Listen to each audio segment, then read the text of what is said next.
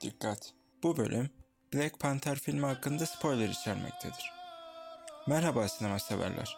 Bu bölümde Marvel sinematik evreninin önemli süper kahramanlarından birisi olan Black Panther'in solo filmleri olan Black Panther ve Black Panther Wakanda Forever filmlerini inceleyeceğiz. Öncelikle ilk filmi özetledikten sonra film hakkındaki görüşlerimi açıklayacağım. Sonrasında da ikinci filmden bahsedeceğim. Kolanız ve mısırınız hazır, koltuklarınız rahatsa kapalı gişe başlıyor.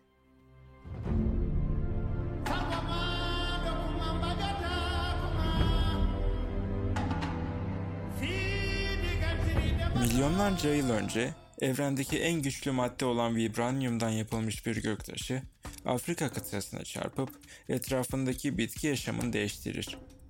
İnsanlığın devri başlayınca üstüne 5 kabile yerleşir ve adını Wakanda koyar. Kabileler birbiriyle sürekli savaşır.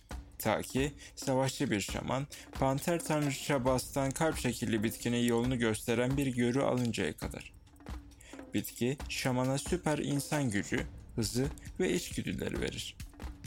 Şaman, savaşçı kral olur ve Wakanda'nın koruyucusu ilk Black Panther haline gelir.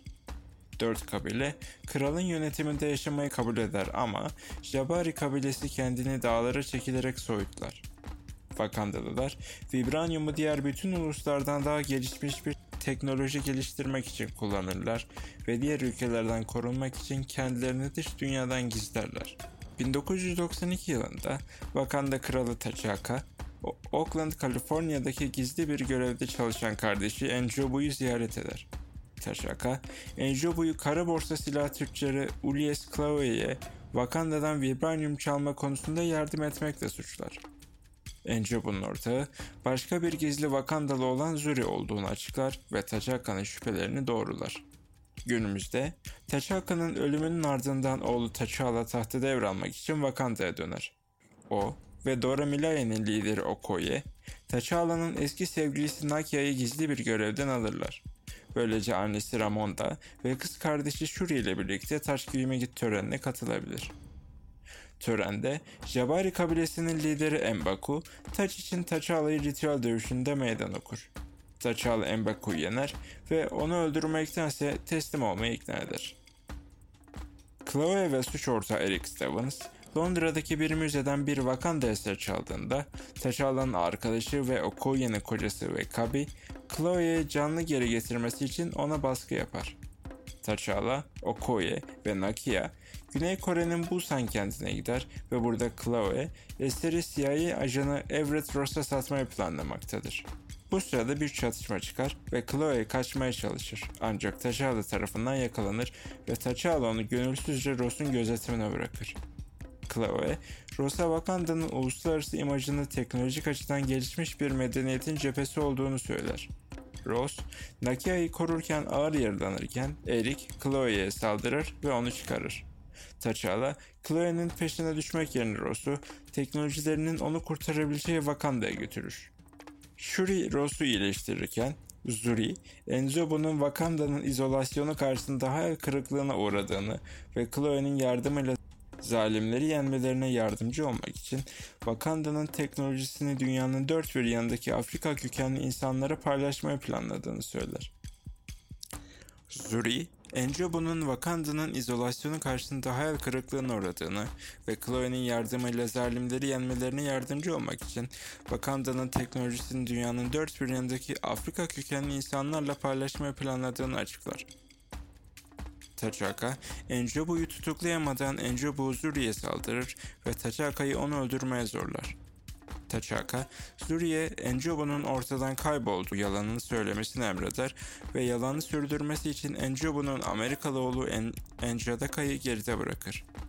Bu çocuk büyüdüğünde Killmonger lakabını benimser. Bunun yanında Killmonger, Chloe'yi öldürerek cesedini Wakanda'ya götürür.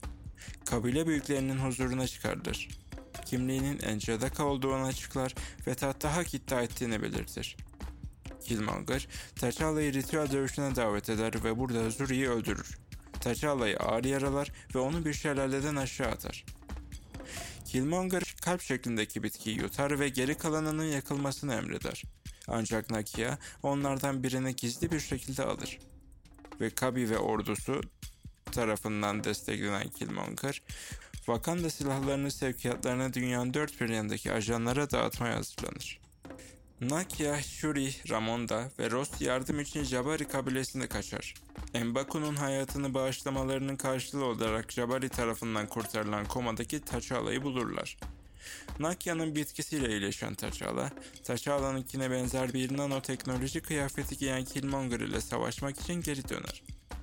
Ve Kabi ve ordusu, Shuri, Nakia ve Dora Miaya ile savaşırken, Ross uzaktan bir jete pilotluk yapar ve vibranium silahlarını taşıyan uçakları Wakanda'dan ayrılmadan düşürür.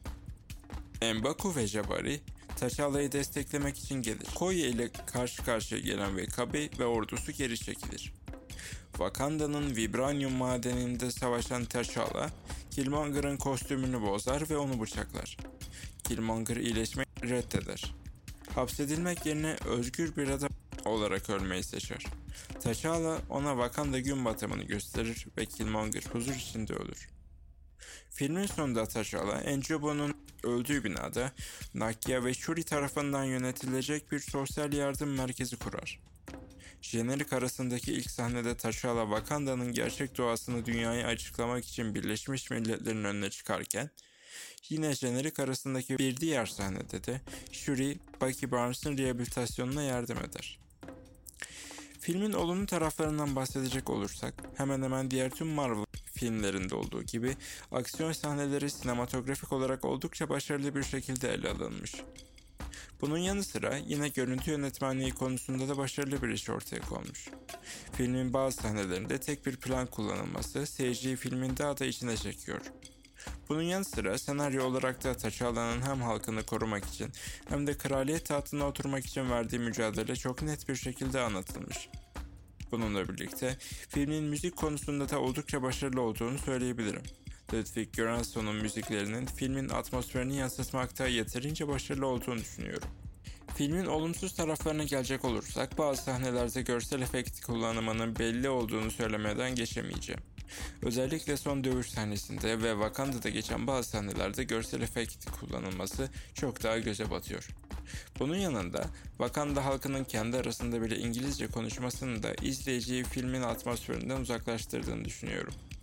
Wakanda'nın kendine ait bir dili olduğu filmde vurgulansa da bu dili karakterlerin diyaloglar arasında çok nadiren görmemiz beni biraz üzdü. Daha önceki Napolyon film eleştirimde de Fransızların kendi arasında bile İngilizce konuşmasının film için bir eksi olduğunu söylemiştim. Bu tarz büyük bütçeli yapımlarda bence bu tarz ayrıntılara daha fazla önem verilmesi gerekiyor. Filmin yapım ekibine göz atacağımız zaman yönetmen koltuğunda filmdeki Killmonger karakterini canlandıran Michael P. Jordan'ın başrolde olduğu Creed 1 ve 2 filmlerinde de yönetmenlik yapan Ryan Coogler yer alıyor.